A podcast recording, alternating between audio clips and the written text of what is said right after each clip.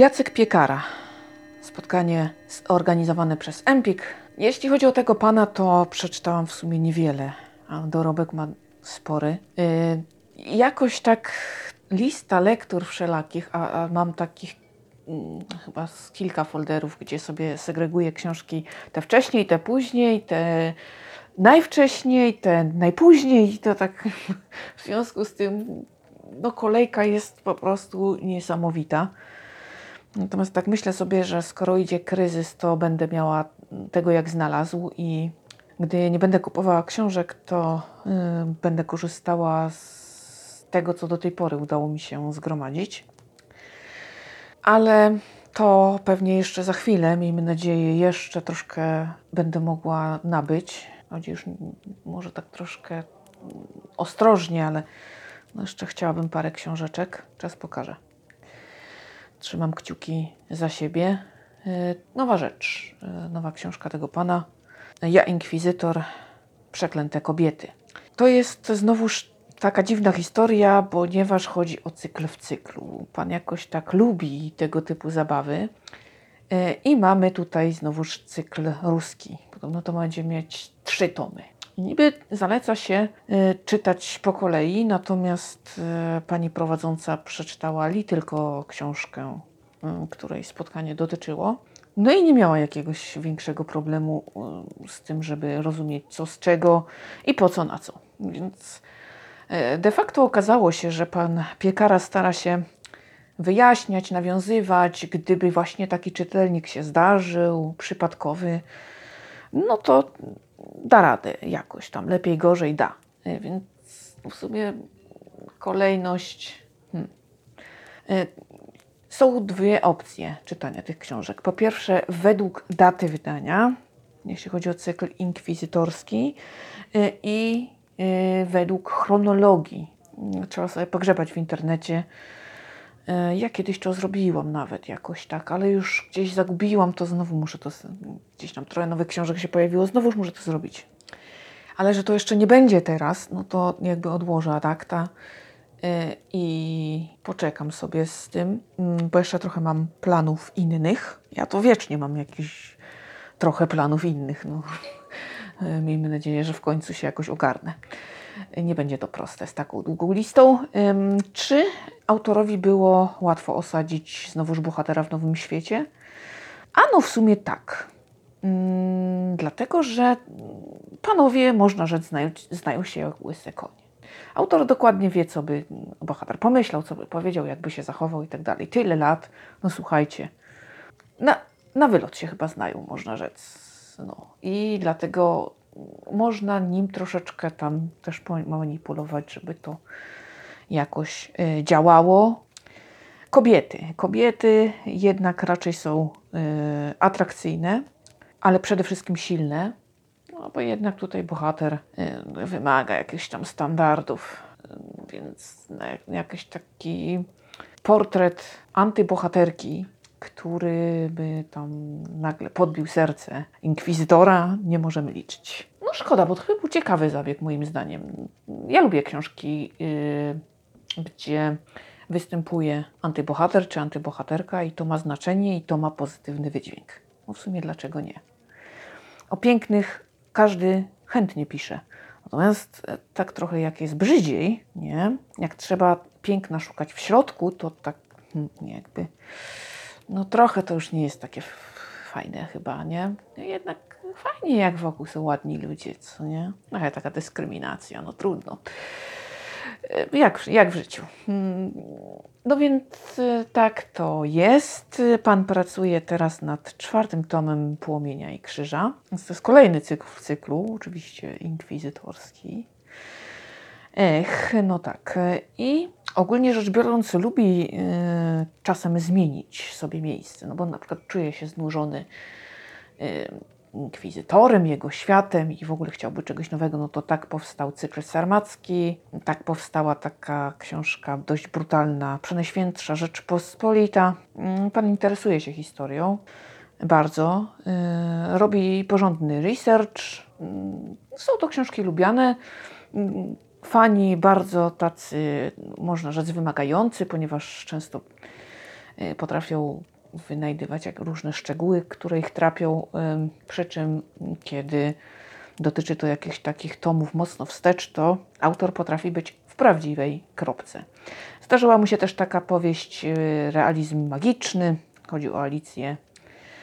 E, I tutaj na spotkaniu online było o tym niewiele, natomiast ja miałam przyjemność uczestniczyć w spotkaniu na żywo i musiałam zadać to pytanie, e, dlaczego druga część? Ponieważ o ile pierwsza Alicja była po prostu rewelacyjna, o tyle druga, e, kiedy ją przeczytałam z pełnym takim zaangażowaniem, startowałam w tą lekturę, okazało się, że no nie, nie, no to, to w ogóle bez sensu ocena kiepska. No tak zupełnie i niepotrzebna kontynuacja. No to jak potrzeba serca, tak w sumie nie wiadomo. Również nie padło moje pytanie, które dzisiaj zadałam, ale myślę, że odpowiedź na nie, e, którą pamiętam mm, ze spotkania na żywo, jest aktualna jak najbardziej, bo póki co nic się nie zmieniło, więc jakby konsensus został utrzymany. Co z Necrosis 2? No przecież mm, to była rzecz, którą przeczytałam yy, i naprawdę, naprawdę się bałam. No tak pięknie, głęboko pokazany okultyzm, jak ktoś się boi różnych takich opętań i tego typu historii, słuchajcie, no to umiera ze strachu tak jak ja, a ja się boję. Boję się i kilka dni po prostu bałam się ciemności, bo tam trochę jeszcze światła widzę, więc gdzieś tam wiem, kiedy jest ciemno. No, I to powodowało, że czułam taki duży niepokój i tak trochę się też wzdrygałam, nawet w ciągu dnia gdzieś tam oglądałam się za siebie, jakieś takie buch, niemiłe takie myśli mi też do głowy przychodziły.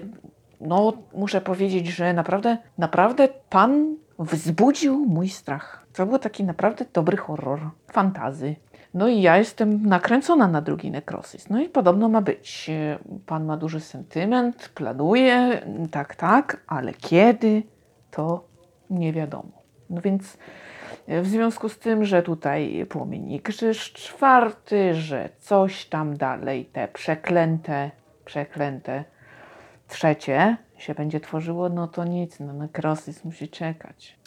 Swoją drogą, skoro tak długo się pisze, to ja będę chyba wymagała takiej, wiecie, jakości. To, to musi być chyba lepsze od tej jedynki. No jak będzie do bani, to będę rozczarowana, szczerze powiedziawszy. No, jeżeli e, rzecz się będzie miała tak samo jak z Alicją, no to jakby hmm, hmm, hmm, nie zostawię suchej nitki. Wredna jestem, wiem. Ale jakby no co zrobię, nie kłamać nie będę. Też nie zabrakło historii, jeśli chodzi o mm, takie felietony, tutaj pana Jacka, mm, tweety takie kontrowersyjne, e, sprawa z Dorotą Wellman, Wellman, nie wiem jak się poprawnie wymawia nazwisko tej pani, szczerze powiedziawszy, bo e, jeśli chodzi o świat takich celebrytów, to tak ja jestem średnio zorientowana, chyba tylko pisarzy jarzę, Mm, I bardzo często łapią mnie na tym, że jak to, ale ty nie wiesz, jak możesz nie wiedzieć, kto to jest. No, no, nie, no nie wiem, no nie znam. E, tam było ostro siostro, sprawa sądowa i właściwie myślę, że pan Jacek się wybronił. E, trochę sprawa umarła i pewnie nie wiadomo, czy będą ją chcieli gdzieś tam wszczynać, bo mm, jeżeli prezentujemy postawę agresywną w sieci, to musimy liczyć się z tym, że ktoś nam da kontrę. I o ile mm, no, my się czujemy w prawie, nie? my możemy sobie tam krytykować każdego, możemy nawet ostro pojechać, no ale jak już po nas pojadą, to już ajaj, no to do sądu, nie? Taka była sytuacja według e, pana Jacka i w sumie nie widzę powodu, dlaczego miałby kłamać. Jest to możliwe. E, złapani hejterzy potrafią być e, cieńcy, naprawdę. Jeśli przyjdzie im odpowiedzieć za swoje poczynania, to nagle okazuje się, że cienko piszą. No więc jakoś tak ta historia przekonała mnie, wersja tutaj autora, e, bo przecież to, że nie wiem, przyjdzie do polemiki, nie będziemy się zgadzać ze sobą, ale wymiana zdań, choć nawet taka temperamentna, nawet ostra, ale kulturalna, bo przecież możemy gdzieś tam nawet ostro się zetrzeć, nie obrażając się nawzajem, prawda, na argumenty, no to nie widzę powodu, dlaczego od razu do sądu lecieć, nie? No, przecież można się jakoś dogadać bądź nie. Bądź odwrócić się do siebie plecami i się nie lubić. No i tyle w temacie. No nie, nie jest to łatwe, ale no na pewno, żeby w taką polemikę wejść, no to trzeba mieć też argumenty.